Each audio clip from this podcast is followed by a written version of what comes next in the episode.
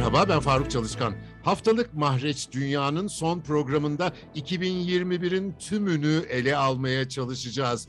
Konuklarım çok değerli benim için. Anadolu Ajansı Amerika editörü Hakan Çopur, Avrupa editörü Yusuf Kaya ve Orta Doğu ve Kuzey Afrika editörü Turgut Alp Boyraz. Arkadaşlar katıldığınız için teşekkür ederim. 2021 büyük bir miras devraldı. Covid-19 etkileri gayet şiddetli bir düzeyde sürdü pandeminin. Amerika iktidar değişikliğiyle girdi bu yıla. Küresel olarak büyük etkisi olan kararlar aldı, adımlar attı. Batı'dan başlayalım. Hakan Çopur, Beyaz Saray'daki yeni devirle başlayalım mı? Görev değişikliği epey sancılı olmuştu değil mi? Kesinlikle sancılı oldu. Aslında e, ABD'de sadece bir başkan başka bir başkanın görevi devretmedi e, veya bir cumhuriyetçi başkan e, işte demokrat bir başkanın görevi devretmedi. ABD'de belki de kuruluşundan bu yana yaşanan en enteresan, en sancılı dönemlerden bir tanesi ki 6 Ocak'taki kongre baskında konuşuruz. Gerçekten tarihi bir sürecin sonucunda Trump e, görevi 20 Ocak 2021'de Biden'a devretti. E, bu bakımdan ABD'de yaşanan bu hani sadece siyasal da değil, sosyolojik, toplumsal, ekonomik her anlamda pek çok şey damga vuran bir değişim oldu. Trump'ın Biden'a görevi devretmesi.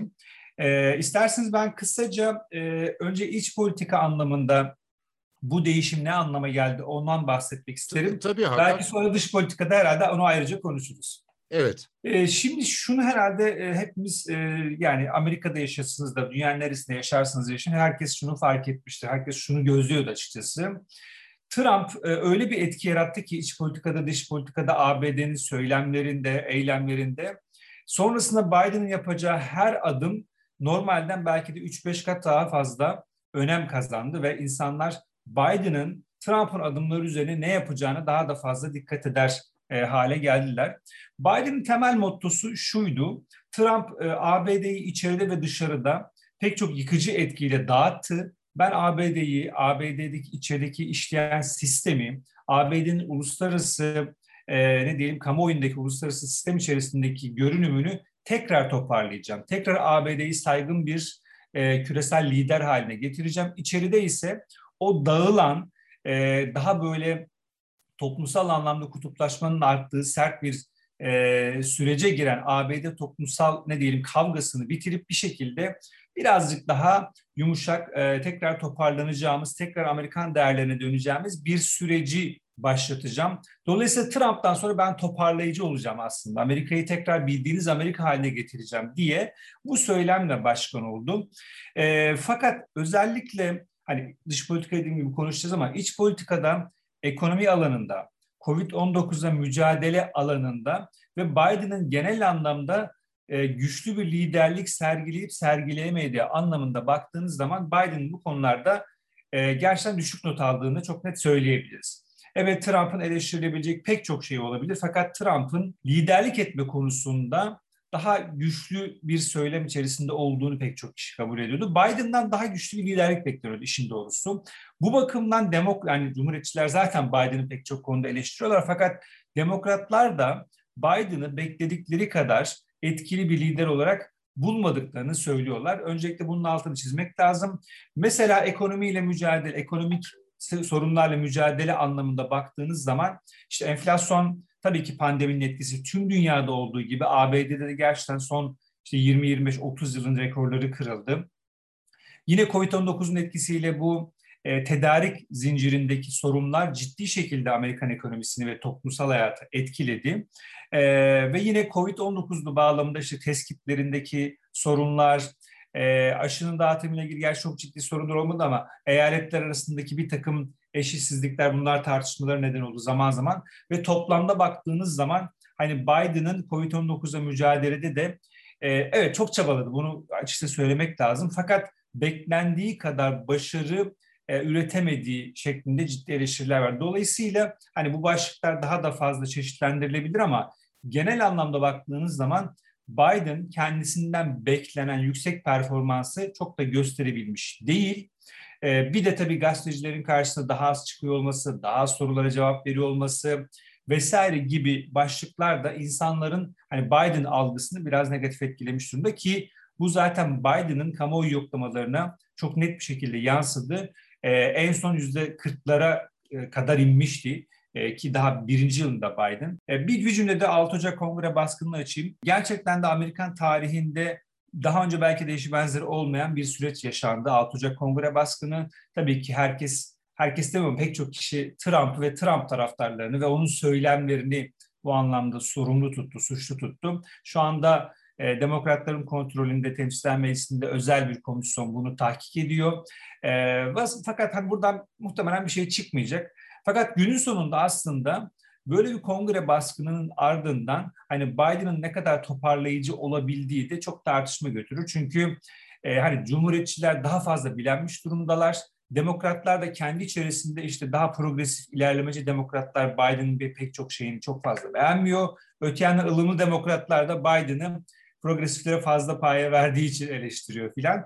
Bu bakımdan Biden iç politikada e, ki performansı beklentilerin biraz altında kaldı. Bunu e, söyleyebiliriz. Bu da zaten dediğim gibi anketlere yansıyor. İç politikayı bu şekilde toparlamış olayım. Hakan bir tek şeyi merak ediyorum. Ee, çok büyük bir bütçeyi kongreye sundu ve altyapı, sosyal adalet gibi hedefleri olan bir bütçeydi. Orada son durum ne oldu şimdi? Tabii hep Biden'ın biraz negatif yönlerinden sanki başarısızlıklarından bahsetmiş gibi olduk ama e, bu anlamda kongreden geçen iki tane e, aslında bir tanesi geçti, e, diğeri de geçecek bu e, yakın zaman içerisinde öyle diyelim. Yani bu harcama paketleri e, ve altyapı paketi aslında Biden'ın ekonomik anlamdaki belki de en önemli başarısı. Burada bir şekilde hani Biden yönetimi kongredeki demokratlarla, cumhuriyetçilerle yakın bir şekilde çalışarak bu paketlerin çıkarılmasını sağladı. Ee, burada aslında hani detaylarına girmeyelim, orada da tartışmalar var ama özetle şunu söyleyebiliriz. Biden yönetimi pandemiyle bir şekilde gerilen ekonomik damarları bu yeni iki büyük paketle yani devletin aslında toplumsal farklı alanlara e, ben buradaki daralmaları bu hani bir anlamda parayla e, ekonomik destekle açacağım dolayısıyla buradan yeni sosyal alanlara da yollar, imkanlar açılmış olacak şeklinde e, bir mesajla e, Biden bu paketleri geçirmiş oldu. Bunların tabii hiçbir tanesi böyle hani bir yıllık paketler değil. Altyapı paketi de yani kabaca 10 yıla yayılan büyük projelerin olduğu bir paket. Diğer o harcama paketi de aynı şekilde. Amacı dediğim gibi hani bir şekilde Amerika'daki bu özellikle son birkaç yılda pandemin de etkisiyle e, ne diyelim daralan bazı kanalları genişletmek. Bu anlam bunu da aslında Biden başarı hanesine yazabiliriz. E, genel anlamda da herhalde Biden'ın en yüksek puan aldığı e, konu başlığı e, bu e, paketler oldu. Trilyon dolarlardan söz ediyoruz değil mi? Kesinlikle, tabii kesinlikle. E, gerçekten rakamlar çok büyük. Yani mesela o işte e, altyapı paketindeki iki buçuk trilyon dolarlık paketin içine baktığınız zaman e, her bir başlıkta böyle işte birkaç yüz milyar dolarlık devasa harcama alanları gözüküyor. Tabii bunların e, hangi ajandaya ne kadar hizmet ettiği de aslında tartışılıyor. Yani Cumhuriyetçiler mesela bazı konularda bazı paket başlıklarının altında demokratların fazla demokrat e, eyaletlere yatırım yaptığını savunuyor. E, işte demokratlar kendi içerilerinde diyorlar ki yani şu paketin burası şuradaki 10 milyar dolar aslında progresif ajandaya hizmet ediyor filan diye. Ama bu paralar harcandıkça aslında daha fazla etkilerini göreceğiz ama toplamda baktığınız zaman e, günün sonunda bu Amerikan toplumun Amerika'ya harcanacak olan bir para. E, dediğim gibi alttaki tartışmaları bir an için görmezseniz toplamda bu e, Biden yönetiminin ekonomik anlamdaki başarısı olarak o haneye en azından yazılabilir. İktisat teorisi açısından bu konunun uzun yıllar ele alınacağından eminim. Şimdi dış politika, küresel jeopolitik, Amerika Birleşik Devletleri'nde Biden yönetiminin attığı adımlardan epey etkilendi Hakan ve bunların o da Orta Doğu ve Asya'ydı. Bunları nasıl sıralamamız uygun olur sence? E, açıkçası ben 2021 yılında ABD'deki en önemli dış politika olayının Afganistan'dan çekilme fiyaskosu olduğunu e, düşünüyorum. Fiyasko diyorum e, ama bunu bu ifade bana ait değil. Yani bunu Amerikan medyasına baktığınız zaman da veya e, pek çok ülkenin yani ABD'ye müttefik olan ülkelerin de açıklamalarına baktığınız zaman e, Afganistan'dan çekilme sürecinin aslında günün sonunda bir fiyasko e, olduğunu pek çok kişi söylüyor. E, şimdi tabii ki e, yani 20 yıllık bir savaş, e, trilyonlarca dolar harcadığınız bir yer günün sonunda e, ABD açısından söylüyorum, ülkeyi yine Taliban'ın kontrolüne emanet etmeniz gereken bir konjöktüre gelmiş oldu.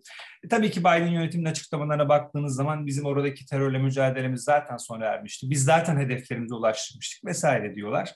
Fakat e, şimdi orada e, gerçekten hani skandal olabilecek, daha doğrusu fiyasko olan iki tane konu var. Birincisi çekilme sürecinin kötü yönetilmiş olması. Yani hepimiz hatırlayalım o işte uçaklara insanların çıkması, havalimanındaki yaşanan kaos vesaire ABD'nin yönetememesi ardından Amerikan askerlerinde yanılmıyorsam 13 Amerikan askerinin öldüğü o saldırı vesaire.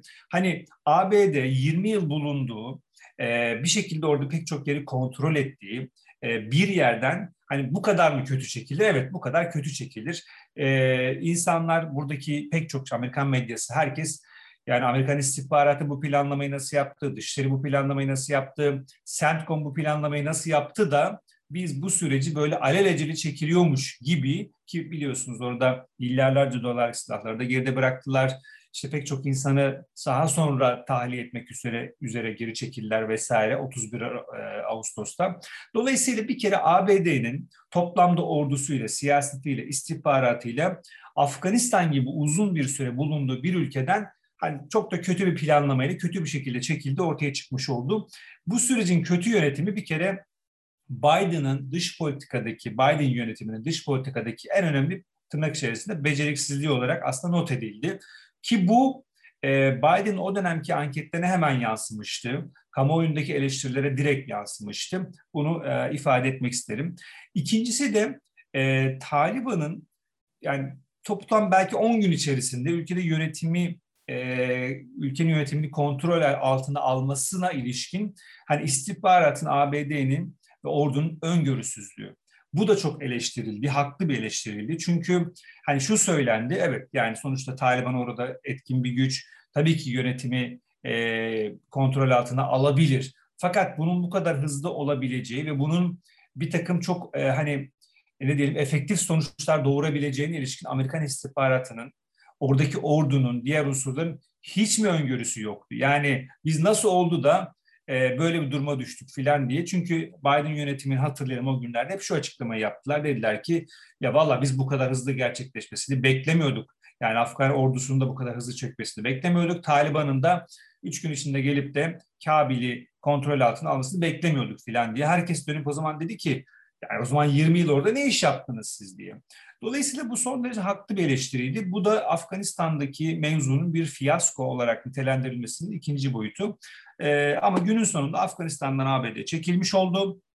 Hemen bir cümle Irak'a da ekleyeyim. Ee, yani bu e, 11 Eylül olaylarından sonra Önce Afganistan sonra Irak'ı işgal etmişti ABD. Sonrasında tabii ki Irak'tan çekilmişti. Ee, orada muharip unsur olarak değerlendirilen, e, yanılmıyorsam 2000 civarında asker vardı. Turgut Hocam daha iyi biliyor.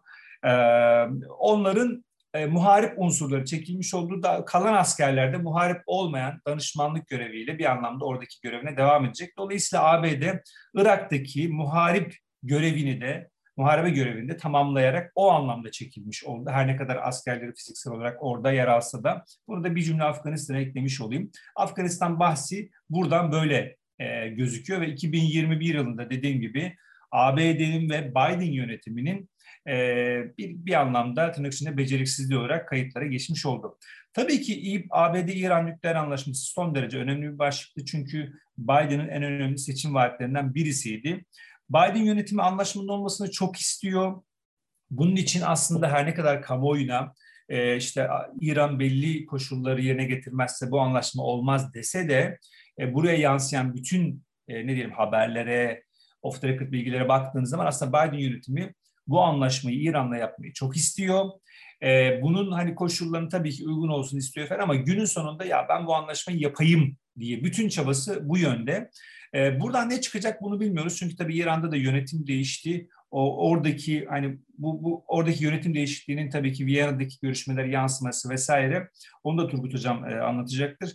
Fakat Washington bu anlaşmayı yapmak istiyor. Fakat bunun yoluna ilişkin, bunun süresi nasıl olacaktır, hangi koşullarda anlaşılacak vesaire bu konudaki belirsizlik işin doğrusu devam ediyor.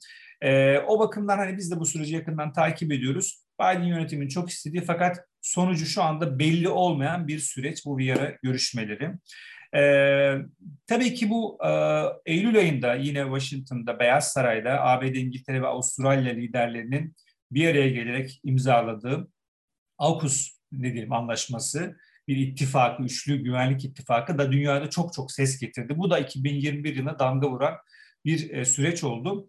Burada tabii ki iki tane konu var. Birincisi ABD, İngiltere ve Avustralya'nın Çin'e karşı e, bir anlamda bir ittifak geliştirmiş olması, bir güvenlik ittifakı geliştirmiş olması e, ki zaten Çin'den buna ilişkin çok net tepkiler geldi. İkincisi de Avustralya'nın Fransa yapmış olduğu yanılmıyorsam 90 milyar dolar civarındaki bu deniz denizaltı anlaşmasını e, iptal edip ABD ile yine 100 milyar dolar civarında daha güçlü, son derece yani teknolojik anlamda en son teknolojiye sahip nükleer denizaltı anlaşması imza atmış olması. Bu tüm dünyada tabii çok ses getirdi. Yusuf abi Fransa boyutunu çok iyi biliyor. Orada Fransa işte elçilerin geri çekti vesaire. Epey bir tantana çıktı. Ama baktığınız zaman aslında şöyle enteresan bir tablo ile hepimiz karşılaştık. Ee, Beyaz Saray'da üç lider toplandı bir açıklama yaptılar. Ee, bir anlamda batı, batıdaki müttefikler kendi aralarında birbirlerine girdiler. Çünkü gerçekten çok büyük bir paradan bahsediyoruz. Yani 90-100 milyar dolarla öyle söylemesi kolay ama çok büyük paralar. Bunlar aynı zamanda uzun yıllara dayanan ciddi bir güvenlik işbirliğinin de altyapısı temeli. Bu bakımdan Avustralya Avrupalı bir müttefik yerine Amerika ile bu işi bağlamış oldu. E, bu bakımdan hani e, gerçekten halen de etkileri devam eder ama o gün e, o Eylül-Ekim aylarına damga vuran bir mevzuydu. Tabii ki bir cümle şunu da eklemek lazım. Biden yönetimi Trump'tan sonra hani Quad dediğimiz e, dört ülkeyle e, Çin'e karşı yine yeni bir e, ittifak, daha sonra bu Quad zaten vardı ama Çin'e karşı olan bu e, ne diyelim güvenlik duvarı konusunu biraz daha güçlendirmek üzere bir takım e, adımlar attılar. Bunlar birkaç toplantı yaptılar. Hani Biden yönetiminin Çin'e karşı tırnak içinde biraz daha sert durabilmek, birazcık daha e, ne diyelim güvenlik anlamında bazı somut adımlar atmak üzere böyle çabalar oldu. Ama öte yandan baktığınız zaman aslında Biden yönetiminin söylemsel olarak baktığınız zaman biz Çin'le de Rusya'yla da e, ortak çalışabileceğimiz her alanda çalışmaya hazırız mesajını da veriyor. Bunu da söylemek lazım. Buradan Rusya ile ilgili bir cümle ekleyeyim, kapatayım uzun oldu. Ee, özellikle bu işte son bir iki ayda e, Rusya'nın Ukrayna sınırında işte asker yığması ardından başta ABD olmak üzere e, NATO'nun vesaire NATO e, ülkelerinin buna yönelik karşı açıklamaları e, Ukrayna gerilimini bir anda tırmandırdı. Şu anda son bir iki aydır biz işte acaba Rusya Ukrayna'yı işgal eder mi? Amerikan istihbaratı diyor ki Ocak ayında işgal edebilir, Ocak ayında Ukrayna'ya girebilir. E, Amerikan medyasında e, zaman zaman böyle haberler çıkıyor. E, tabii ki bunların nasıl çıktığını hepimiz biliyoruz. E, günün sonunda bu gerilim tırmandı, tırmandı.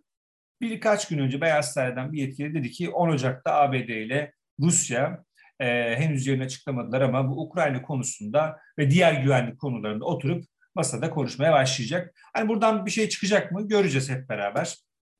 E, fakat e, toplamda baktığınız zaman hani ABD'nin Rusya ile daha sıcak bir gerilim alanına e, sahip olduğu özellikle Ukrayna bağlamında söyleyebiliriz. Çin'le ise daha orta vadede çünkü Çin aslında ABD'nin küresel anlamda gerçek rakibi ama orta vadede. Hani hemen bugün yakın bir tehdit değil, yakın tehdit olarak değerlendirilen ülke şu anda Çin değil aslında Rusya. Ama Amerikan yönetimi, e, ABD'deki ne diyelim e, oyun kurucular aslında Çin'in gerçek anlamda büyük rakip olduğunu biliyorlar. E, bu bakımdan da zaten işte e, bu yıl e, yenilenen ABD Ulusal İstihbarat Strateji Belgesi'nde de bu çok net bir şekilde vurgulandı. Denildi ki biz bundan sonra askeri ağırlığımızı Orta Doğu'dan ziyade ya da başka bölgelerden ziyade Doğu Avrupa ve özellikle Çin'e karşı Güney Çin Denizi'nde e, konumlandırmaya çalışacağız. Buna ilişkin hem somut hem de teknolojik anlamda ya da ittifaklar anlamda adımlar atacağız diye aslında bu askeri ve güvenlik odağının da Orta Doğu'dan ziyade daha fazla Rusya ve Çin ekseninde kaydırılacağını bu yeni güvenlik belgesi e, açıklıyor bir anlamda. E, bu şekilde aslında toparlamış olayım. Belki uzun oldu. Yine sorularınız olursa e, devam edebiliriz. Teşekkürler Hakan. Şimdi e, Orta Doğu'yla kapandı mevzu.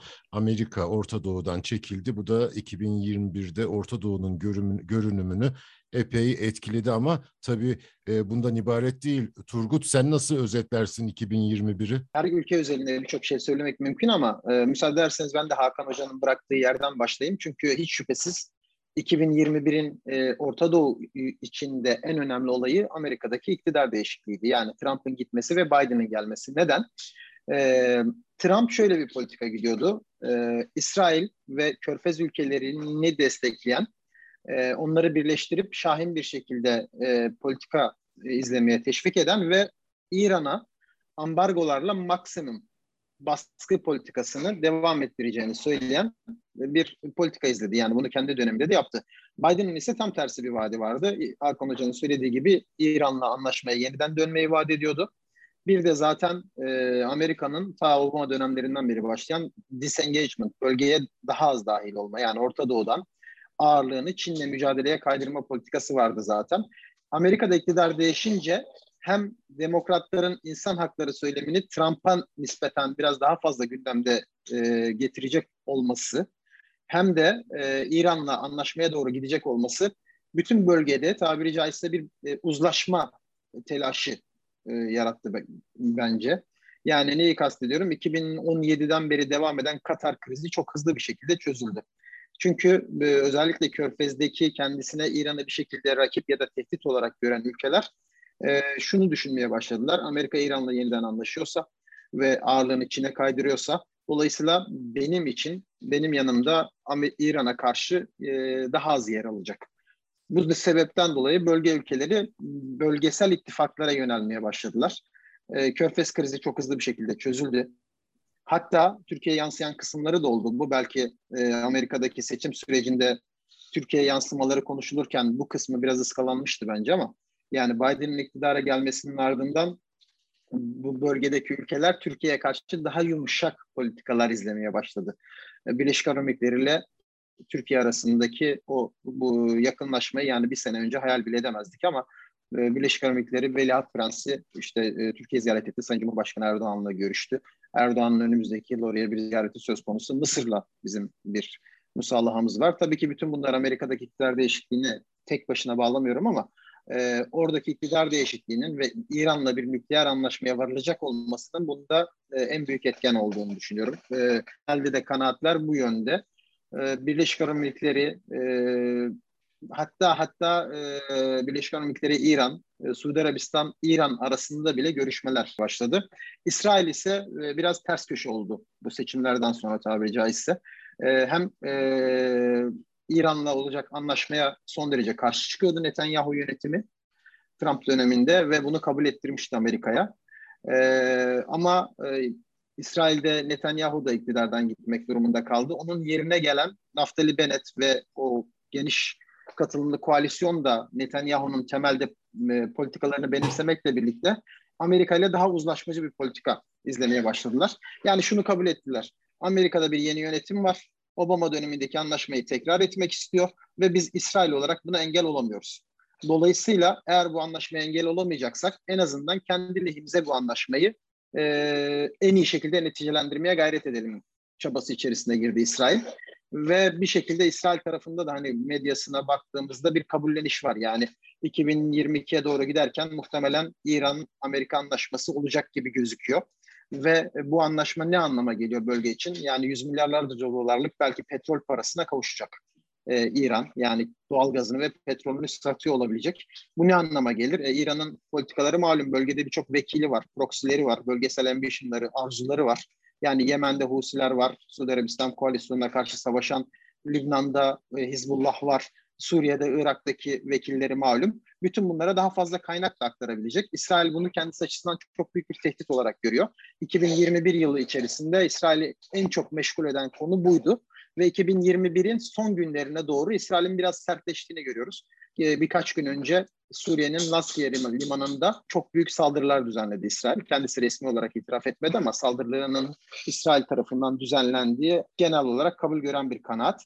Dolayısıyla bu anlaşmadan sonra ya eğer bu anlaşma olursa öngörüldüğü gibi İran'la e, Amerika arasında muhtemelen İsrail'in de 2022'de daha fazla e, Suriye'de, Lübnan'da ve Irak'ta e, İsrail'in ve İran'ın vekillerini vurduğunu göreceğiz. Muhtemelen e, öyle bir durum var.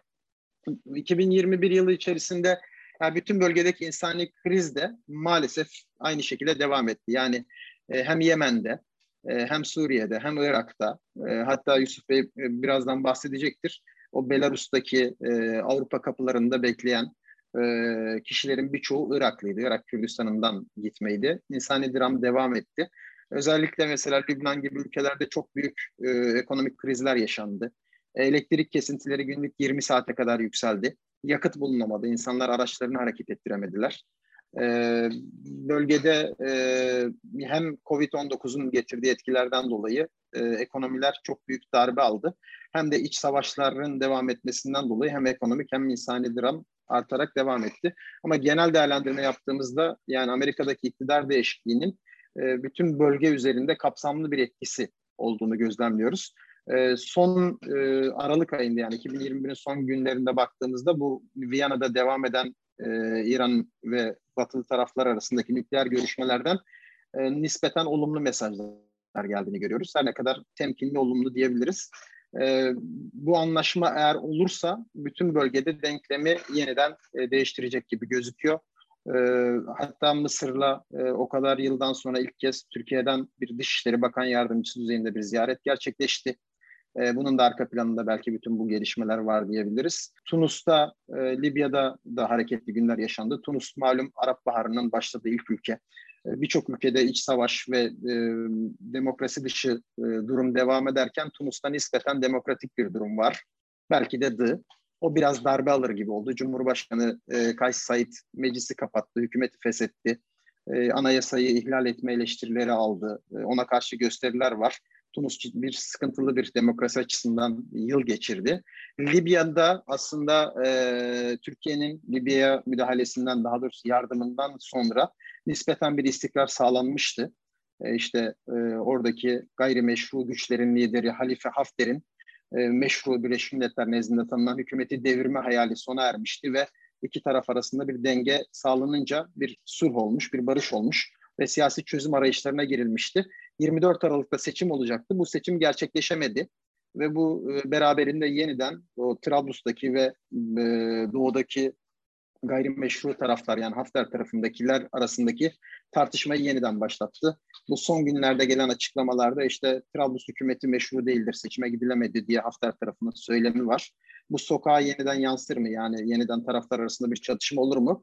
Böyle bir soru işaretiyle birlikte bu yılı kapatıyoruz e, Libya tarafında. Netanyahu ile ilgili de belki bir parantez açayım İsrail'de. Evet yani, sanki nesiller boyu başbakan e, İsrail'de e, onun dönemi sona erdi. Onu da böyle kısaca anmak lazım sanki. Ya aç, açıkçası şöyle bir şey oldu. Hani e, karşı taraf için hep şu eleştiri yapılıyordu. Siz Netanyahu gitsin ittifakısınız.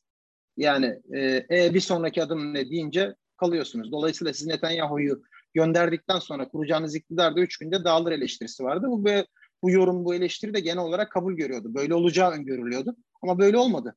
Yani yedi partiden oluşan bir koalisyon kuruldu. İçlerinde Filistinliler de var. Uzun soluklu bir iktidar olacak gibi gözüküyor. Burada Amerika'nın Biden yönetiminin bu iktidardan memnun olması, yani Netanyahu'nun o İran'a karşı şahin söylemleri, İran'la anlaşma yapsanız da biz tanımayız ve ben Amerika ile bu konuyu konuşmam şeklindeki söyleminden dolayı son derece rahatsızdı. Yeni iktidarın ise şöyle bir Amerika ile durumu var. Tamam engelleyemiyorsak bile biz Amerikalılarla bu konuyu konuşmaya, müzakere etmeye ve bir şekilde koordine etmeye devam edeceğiz şeklinde.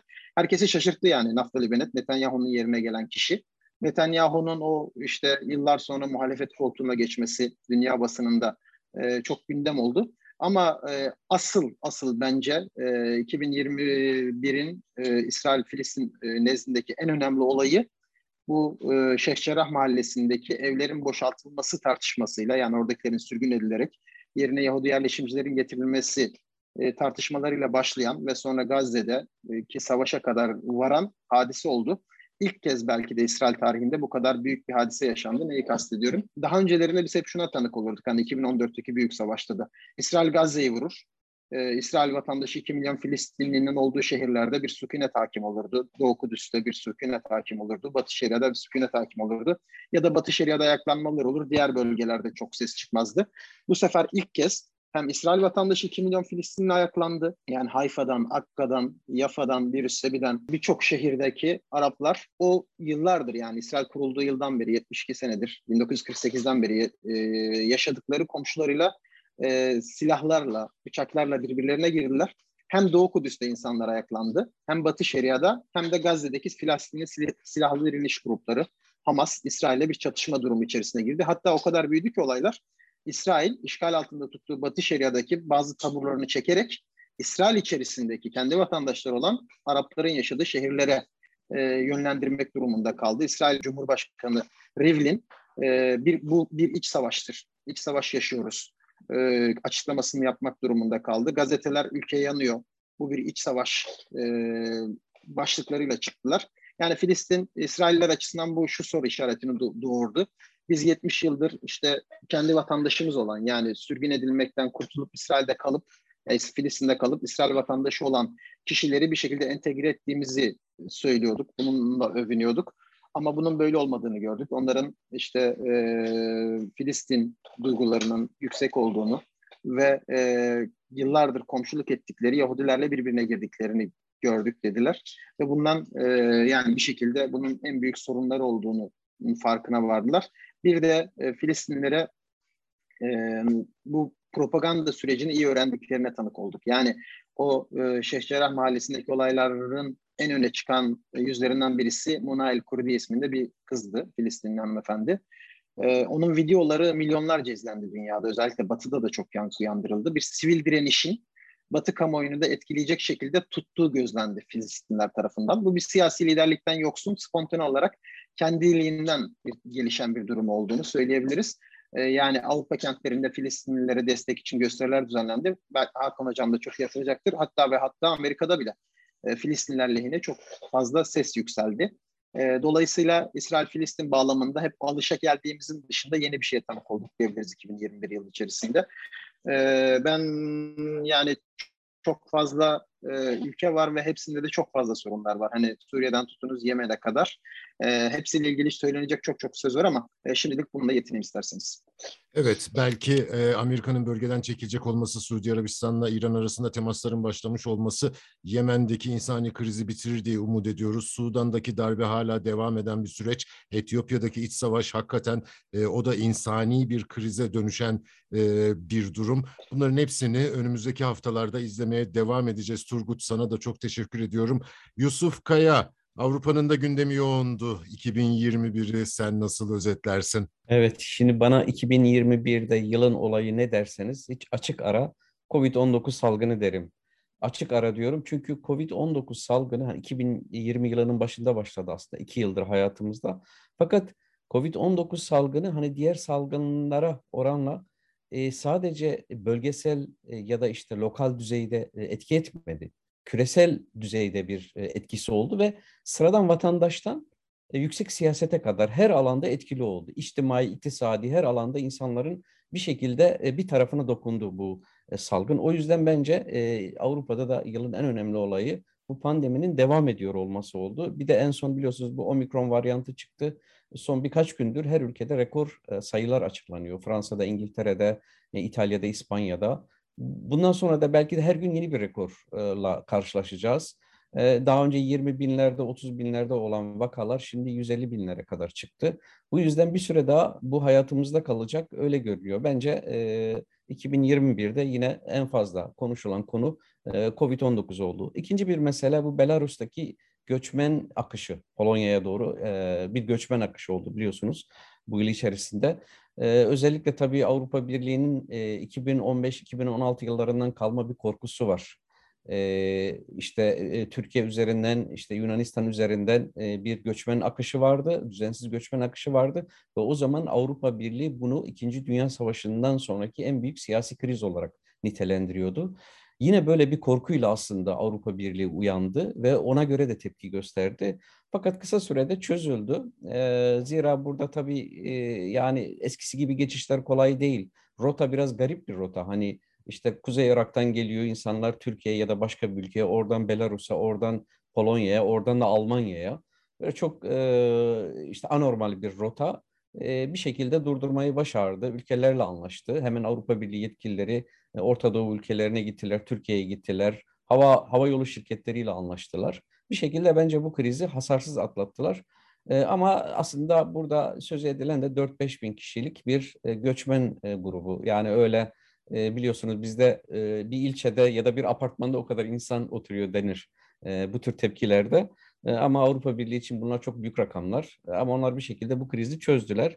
Diğer bir mesele bu AUKUS meselesi Hakan bahsetti.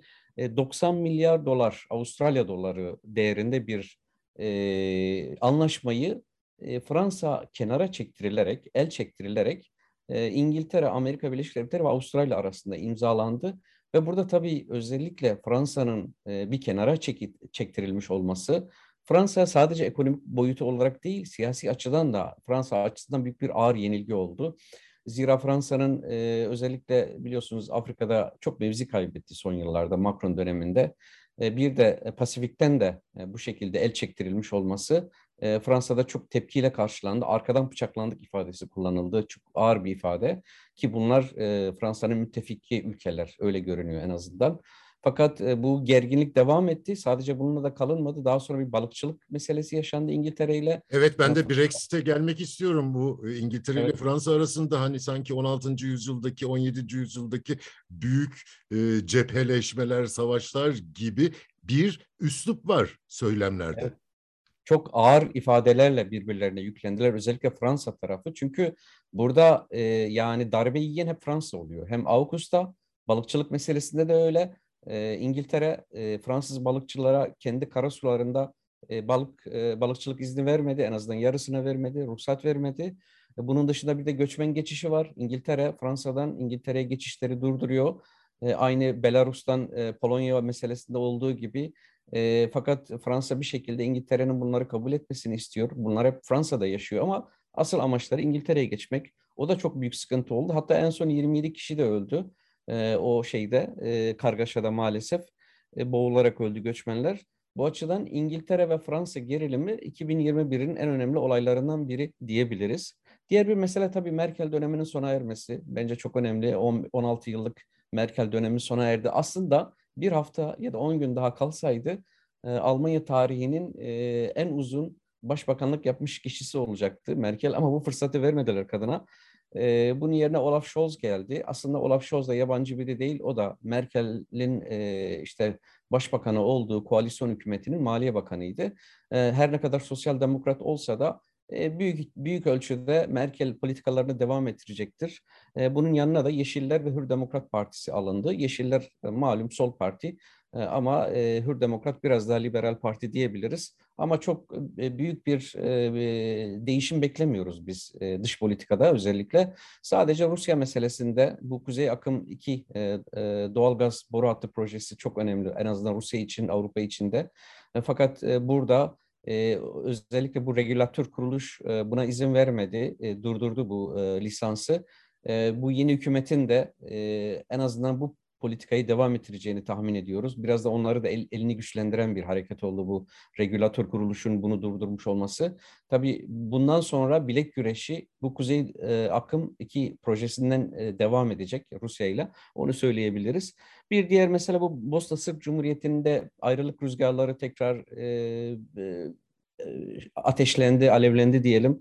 E, Bosna Hersek'ten ayrılmak istiyor Bosna Sırp Cumhuriyeti. Bunu da birazcık işte bu e, soykırımı inkarı suç e, suç sayan yasa tasarısından e, aldı. E, biraz bunun yüzünden e, Bosna'dan ayrılmak istiyor Bosnalı Sırplar. Fakat çok e, sert de tepki aldılar. Birazcık e, esasında e, ölçüyor Bosnalı Sırplar. Hani acaba ayrılsak ne kadar tepki alacağız, nasıl kaybımız olacak, kazancımız Aslında olacak? Rusya'nın ve Sırbistan'ın tutumunu da gözlüyorlar. Evet, onların... Ee, Rusya ne kadar mı müdahil olursa Bosna Konfederasyonu'nun e, sonunu getirmeye o kadar e, teşne Dodik Başbakan hükümeti. Kuşkusuz, kuşkusuz esasında Rusya her türlü bölünmeden yana e, Avrupa içerisinde e, bunu da destekliyordur. Fakat e, tabii ki kayıpları çok ağır olabilir. Sırbistan'ın da kayıpları ağır olabilir. Çünkü Sırbistan aday ülke Avrupa Birliği'ne. Bir yandan Avrupa Birliği'ne girmek istiyor. Bir, yandan da Bosna içerisinde böyle bir ayrılığa izin vermeyebilir. O yüzden ayrılık şimdilik pek mümkün görünmüyor ama dediğim gibi ilerleyen günlerde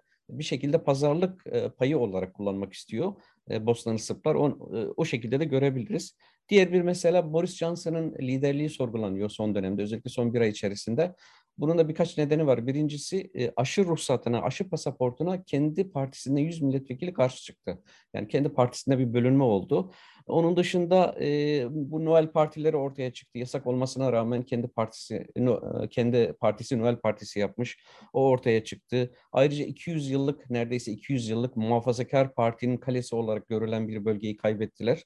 İşçi Partisi'ne kaybettiler. O açıdan önümüzdeki günlerde eğer Boris Johnson liderliği kaybedilir, kaybederse bu sürpriz olmayacak.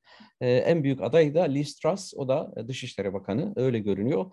E, onun dışında Sebastian Kurz'un mesela başbakanlığı kaybetmiş olması, bir şekilde çekilmiş olması, istifa etmesi bence önemliydi. Ki bu e, Kurz 27 yaşında Dışişleri Bakanı, 31 yaşında Başbakan oldu. Çok genç bir liderdi. E, yani biraz e, işte aşırı sağcı e, meyilleri Evet, Avusturya'dan vardı. söz ediyoruz e, bilmeyenler Evet. için. Evet, Avusturya Başbakanı Sebastian Kurz o e, istifa etti. E, ayrıca bu La Palma Adası'ndaki e, yanardağ, İspanya'nın La Palma Adası'ndaki yanardağın e, faaliyete geçmesi çok önemliydi. Fransa'da adaylar belli oldu. 2022 yılında Nisan ayında seçim olacak. Dört, şu an dört aday öne çıkıyor. Bunlar Macron, Cumhuriyetçilerin adayı Pécresse, Le Pen ve Zemmour. E, Le Pen ve Ze- Zemmour e, aşırı sağcı hatta ırkçı diyebiliriz. Pécresse muhafazakar bir aday. Macron biraz daha liberal görünüyor ama tabii e, ekonomi politikaları açısından liberal, siyaset açısından pek liberal diyemeyeceğiz. O da sağa kaymış durumda. Bu dört aday arasından ikisinin ikinci tura çıkacağını tahmin ediyoruz 2022 seçimlerinde. Ama kimler çıkacak göreceğiz. Bir de seller oldu. Yani Avrupa'da pek sık görülmeyen yüzlerce kişinin hayatını kaybettiği özellikle Almanya ve Belçika'da seller. Bunları da bence 2021'in en önemli olaylar arasında görebiliriz. Evet, iklim krizini 2022'de bol bol e, yaşayacağız. E, bunun mağduru olacağız. İklim kriziyle ilgili de hala küresel olarak e, derde deva bir adım atılmış değil. Yusuf Hakan bahsetti ama sadece kısaca e, Ukrayna'daki son durum nedir? Sınıra Rusya asker yığmıştı, sonra NATO e, sert tepki Evet. vermişti. Kuşkusuz e, Ukrayna ile Rusya arasındaki gerginlik hem NATO'da hem Avrupa Birliği'nin de en önemli gündem maddelerinden biri. Şimdi orada bir yığınak olduğu söyleniyor NATO tarafından, AB tarafından. Gerçi hani sahada bunu teyit etmek çok zor. Rusya sıradan işte bir manevra olduğunu düş- düşünüyor ya da söylüyor, ifade ediyor. Fakat belli ki özellikle Kırım'ın ilhakından sonra en ufak bir Rusya hareketliliği Avrupa Birliği ve NATO içerisinde çok sert tepkiyle karşılanıyor. Yani Kırım kaybedildi artık bundan sonra özellikle o Donbas bölgesinde yeni bir toprak kaybına izin veremeyiz e, mealinden açıklamalar yapılıyor. Şu an birazcık durulmuş durumda. Çünkü aynı Hakan'ın belirttiği gibi yani nasıl Amerika Birleşik Devletleri Rusya bir toplantı yapacaksa NATO Rusya Konseyi de toplanacak önümüzdeki günlerde. Bu e, konu ele alınacaktır ama şimdilik e, du- durum birazcık şey durulmuş durumda. Sık- e, sıkıntılı bir durum yok en azından o bölgede. Fakat bu zaten hiçbir zaman durulmayacak. Yani bu 2022 yılında da e, Rusya ile e, Avrupa Birliği arasında en önemli çekişme alanı olarak kalmaya devam edecek. Hakeza NATO ile de e, Rusya arasında en önemli çekişme alanı olarak devam edecek. Washington'dan Hakan Çopur'a, Brüksel'den Yusuf Kaya'ya ve Beyrut'tan Turgut Alp Boyraz'a çok teşekkür ediyorum. Bizi hangi mecrada dinliyorsanız orada abone olmayı lütfen unutmayın. Hoşçakalın.